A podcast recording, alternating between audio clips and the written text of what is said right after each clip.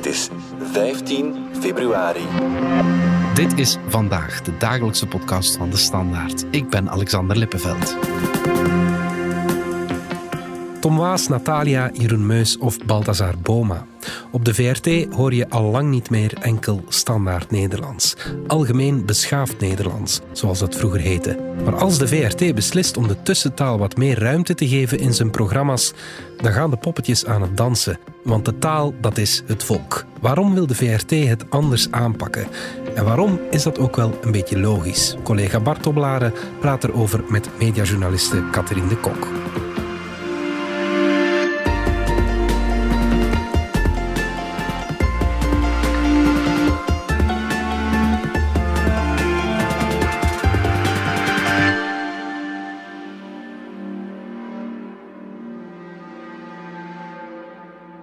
Katrien, welkom. Jij was verantwoordelijk voor het eerste relletje van de week toen jij een artikel schreef in onze krant VRT zet deur open voor meer tussentaal.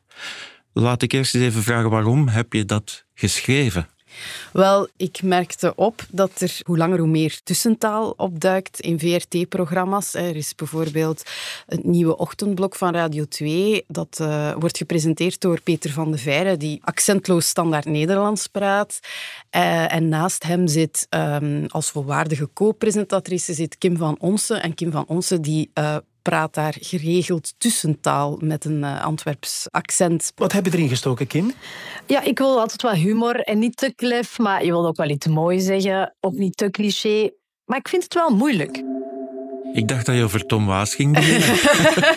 Tom Waas natuurlijk, die heeft uh, al kritiek gekregen onder meer van uh, Geert Bourgeois van N-VA, omdat hij dus tussentaal praat in het verhaal van Vlaanderen.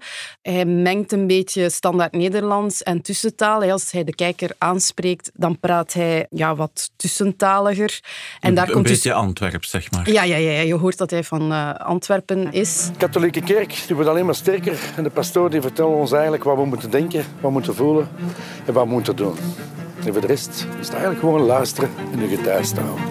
En daar uh, kwam dus ook al kritiek op van onder meer Geert Bourgeois. Bijvoorbeeld als je naar The Greatest Dancer van Vlaanderen kijkt, dan zie je daar zijn de twee presentatoren Siska Schoeters en Aster Zeemana. En die kunnen perfect standaard Nederlands praten, dat doen ze ook. Maar als ze bijvoorbeeld met het publiek, het studiopubliek, gesprekjes aangaan, dan doen ze dat in tussentaal. En dat was je opgevallen en je hebt daarover met de VRT ook gebeld. Ja. Maar misschien moeten we eerst eens uitleggen dat de VRT, dat is de openbare omroep, Mm -hmm. niet zomaar mag doen wat hij wil. Ja, klopt. Dus er is een taalcharter. En dat taalcharter dat werd door de toenmalige taalraadsman Ruud Hendricks opgesteld. En dat taalcharter dat vat eigenlijk het taalbeleid van de VRT samen. En dat zijn, daarin staan alle taaleisen waar VRT-medewerkers aan moeten voldoen. En dat is eigenlijk de concrete uitwerking van wat er in de beheersovereenkomst staat. Het akkoord met de Vlaamse ja. regering, de sponsor ja. van de VRT, ja, of exact. een van de sponsors. Ja, de VRT moet zich aan uh, de beheersovereenkomst houden en dit is eigenlijk de concrete uitwerking daarvan wat betreft taal. En dat zegt bijvoorbeeld dat Balthazar Boma absoluut tussentaal mag ja, spreken. die mag zelfs dialect uh, maar Wim praten. de Vilder beter nee, niet. Nee. Dus voor nieuwsuitzendingen, daar is het taalcharter heel helder. Daar is de absolute norm voorbeeldig standaard Nederlands. En dus voor presentatoren en hosts in andere programma's wordt ook de standaardtaal verwacht. Dus als Thomas het verhaal van Vlaanderen presenteert, dan is de regel dat hij daar standaard Nederlands praat. Er is wel een uitzondering voor fictie en voor humoristische programma's. Dus als we Tom Waas in een uh, fictiereeks zouden zien, dan mag hij daar perfect dialect praten of tussentaal.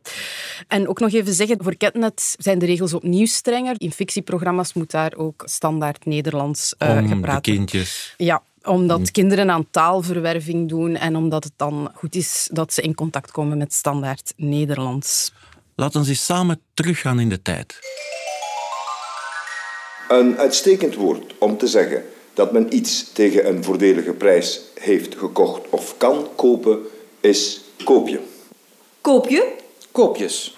Katrien, dat is nu wel van heel lang geleden, maar dat is altijd... Ja, van voor mijn tijd, vrees ik. maar dat is altijd een opdracht geweest van de VRT, Ja, ja. de Nederlandse taal verspreiden. Ja, ja, van bij het begin was dat een heel belangrijke opdracht. Ja, dat hoorde bij die emancipatie van de Vlamingen. De Vlamingen moest gewoon die norm aangeleerd uh, worden. En die norm was dan standaardtaal. En dus je kreeg dan Je allerlei kreeg Ja, hè, die- ja. zoals hier spreekt men Nederlands of de teletaalles. Ik weet niet of je al gehoord hebt van de beruchte blauwe brieven. Vertel, vertel. Dus eh, ehm, Karel Hemmerichs, die secretaris van de algemene directie was aan de openbare omroep, die stuurde brieven naar journalisten en microfoonmedewerkers die dus taalfouten maakten. En dat was heel erg met het kijvende vingertje, met de zinsnede mensen die het kunnen weten, zeggen dat. En dan werd je gecorrigeerd.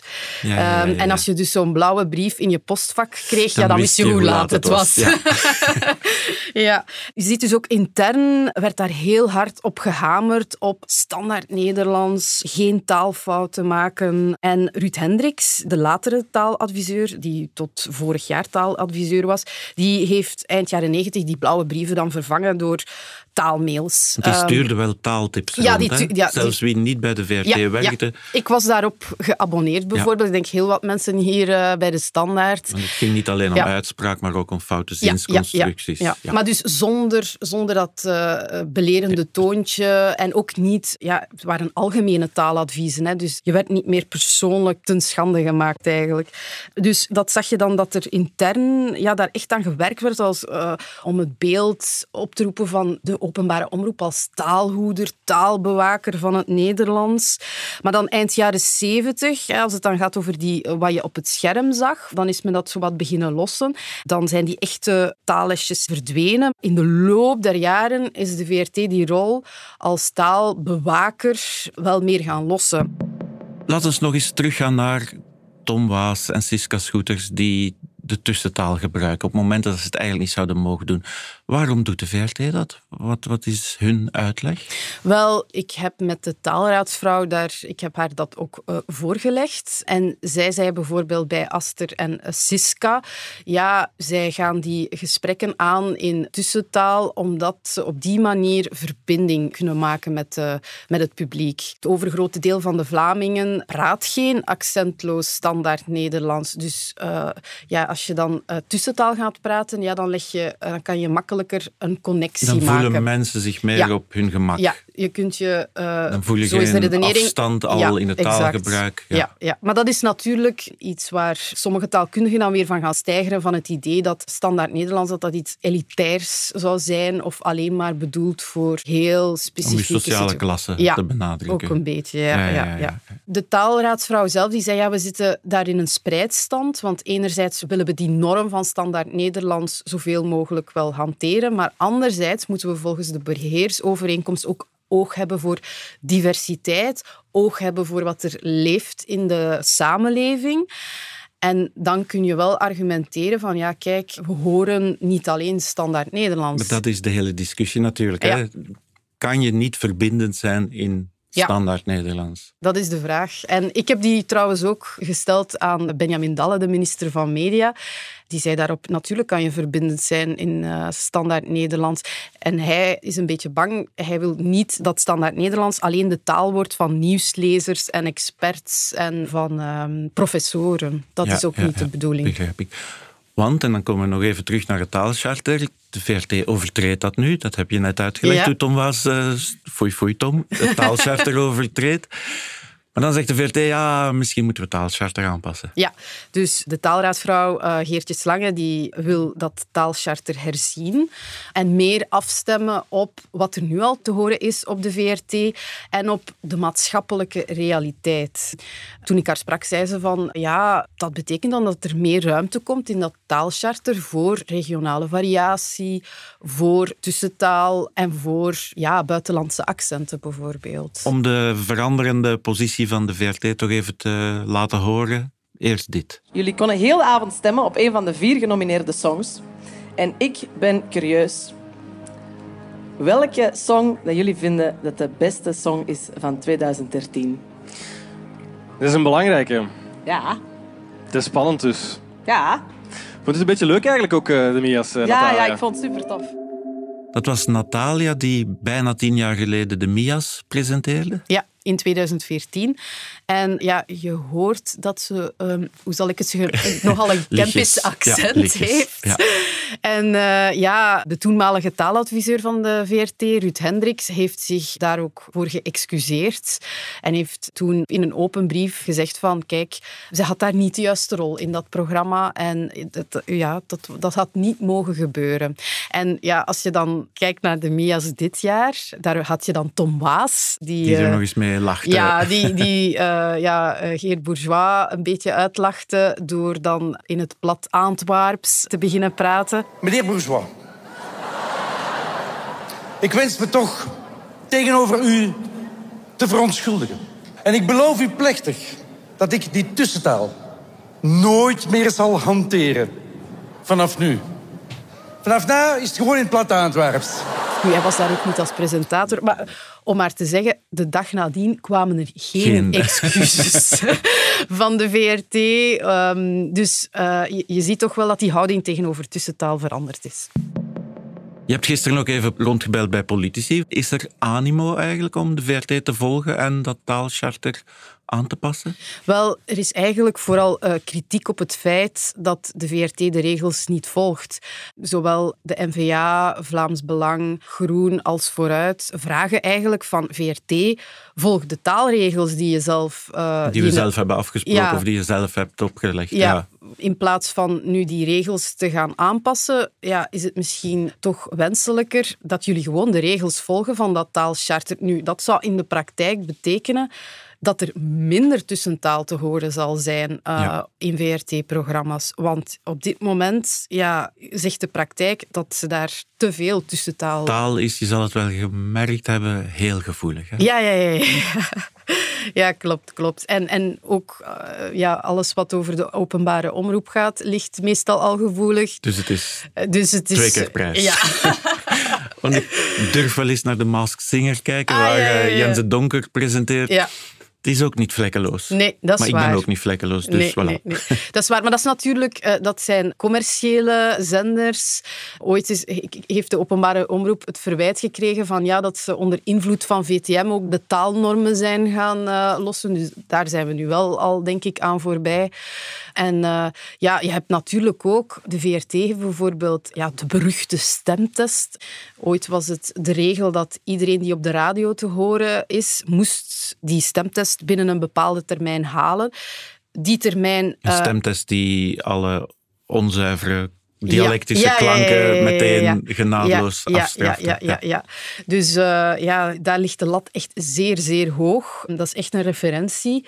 Maar dus die stemtest, die hoeven VRT-medewerkers die op de radio te horen zijn, die hoeven die niet meer te halen binnen een bepaalde termijn. We belden gisteren ook even met Rick Vosters, dat is een professor Nederlandse taalkunde aan de Brusselse VUB.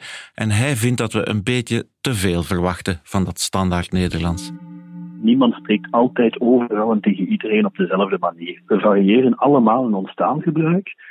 Om het met een boetade te zeggen, hè, mensen die enkel tussentaal spreken, die vinden misschien geen, geen uh, mooie job. Maar mensen die enkel accentloos standaard Nederlands spreken, die vinden vandaag de dag misschien geen vrienden meer. En, en daar ligt net die ruimte voor, voor variatie op voor de media, denk ik. Ik haalde net een voorbeeldje aan van, van Jan Jabon, die, die tussentaal spreekt in het parlement, maar die geeft ook geen speeches in tussentaal natuurlijk. Hè. Voor zo'n zijdelingse opmerking kan dat wel, hè. daar mag wat meer emotie uit wijken. Dus ik denk, wat vooral nodig is, is dat er voor de omroep mensen werken die het hele talige continuum kunnen bewandelen. Of die het zelfs kunnen bewalsen, die erover kunnen dansen, hiermee kunnen spelen, die kunnen, kunnen tussentaal gebruiken, maar die ook standaard accentloos, standaard Nederlands kunnen gebruiken en die zich op dat spectrum kunnen begeven afhankelijk van, van de situatie. Je wil geen, geen monocultuur van tussentaal, hè? Die, die bezorgdheid die snap ik uh, absoluut, maar je wil ook niet het idee van een omroep waar enkel standaard Nederlands zou, zou passen. Een tv-presentator die enkel algemeen Nederlands spreekt is zelfs niet eens zo'n goed idee, vindt de professor. Ik denk dat er momenteel al veel ruimte voor variatie in dat taalcharter zit, maar dat er in de praktijk misschien nog wel een beetje meer variatie is dan, dan in dat taalcharter wordt erkend. Hè. Het belangrijkste denk ik is dat daar ruimte voor variatie moet zijn. Hè. Dat charter moet niet helemaal herdacht worden, dat is al best genuanceerd. Voster staat dan ook helemaal niet zo huiverig tegenover over een aanpassing van het taalcharter? Ik denk ja, dat we onder taalkundigen het uh, vaak over een heleboel dingen niet eens zijn, maar dat we het wel eens zijn over het feit dat, dat tussentaal uh, zo'n beetje op alle domeinen de norm is geworden in Vlaanderen vandaag. Dat is nu eenmaal de realiteit. Dat is waarom taalkundigen ook vaker over, steeds vaker over informeel Belgisch-Nederlands in plaats van tussentaal spreken, omdat dat informeel Belgisch-Nederlands nu eenmaal overal gebruikt wordt in het onderwijs, uh, in de politiek, uh, in de media, overal. Ook de grootste pleitbezorgers van het algemeen Nederlands gebruiken toch wel vaak of uh, vertoeven in kringen waar er ook heel veel tussentaal gebruikt wordt. Dus je kan het eigenlijk niet meer wegdenken, hoewel we dat wel graag doen. We doen graag alsof het nog helemaal niet zo ver staat. Denk je aan het editoriaal dat maandag verschenen in de standaard, die zegt van politici, van hoogleraren, van woordvoerders en andere publieke figuren verwachten we dat ze standaardtaal spreken Waarom zouden we dat niet van de media mogen verwachten? Dat is een mooie illustratie daarvan, want ja, politici, rechters, hoogleraren, je kan heel veel voorbeelden bedenken. Daar wordt heel veel tussentaal gebruikt natuurlijk. Denk maar aan uh, taalgebruik van, van de minister-president in het parlement. Maar te laat, te laat, dat gaat jij niet bepalen, hè? Dat gaat jij niet bepalen. Dat gaat jij niet bepalen. Dat kan je moeilijk uh, algemeen Nederlands noemen, maar er zijn tal van voorbeelden natuurlijk te vinden. Ik kom nog heel even terug bij jou, Katrien. Voor veel lezers van de krant en luisteraars van deze podcast lijkt het natuurlijk dat de VRT zijn positie, je hebt het ook al even gezegd, als lichtend taalbaken aan het lossen is. Tekenend daarvoor is denk ik het verdwijnen van VRT Taal. En dat was een, een website met allerlei taaladviezen, ook wat betreft uitspraak. En die website ja, is sinds januari dus gewoon offline. Een besparing en, waarschijnlijk. Wel, het is complexer dan okay. dat. Meestal uh, betekent dat ja, het was een besparing, maar vertel maar. Ja, dus de, de VRT Taal is overgeheveld naar Team Taaladvies en dat is dan de taaladviesdienst van de Vlaamse overheid. Dus zij nemen die taaladviezen nu over, maar ja, je geeft natuurlijk wel het signaal als openbare omroep dat je je niet meer zo streng opstelt als taalhoeder. En dan hoor je bijvoorbeeld wel van minister van Media Benjamin Dalle dat hij dat toch wel nog altijd heel belangrijk vindt. Dat de VRT niet alleen een verspreider moet zijn van die norm, maar ook die norm mee moet bepalen. Zo staat het ook in de beheersovereenkomst trouwens. Dus dan gaan we hier nog van horen, denk ik. En als Tom Waas een tweede reeks over de geschiedenis van Vlaanderen maakt, zal hij misschien een beetje meer opschuiven. Misschien wel. misschien wel. We zullen zien. Katrien, heel veel dank. Ja, graag gedaan. Dit was vandaag de dagelijkse podcast van De Standaard. Bedankt voor het luisteren. Volg ons op Spotify, Apple Podcast of eender welk ander podcastplatform. In onze gratis FDS podcast kan je niet alleen ons werk beluisteren, maar ook de beste podcasttips terugvinden, met zorg geselecteerd door onze redacteur Max de Moor. Alle credits van de podcast die je net hoorde vind je op standaard.be-podcast. Reageren kan via podcast.standaard.be. Morgen zijn we opnieuw.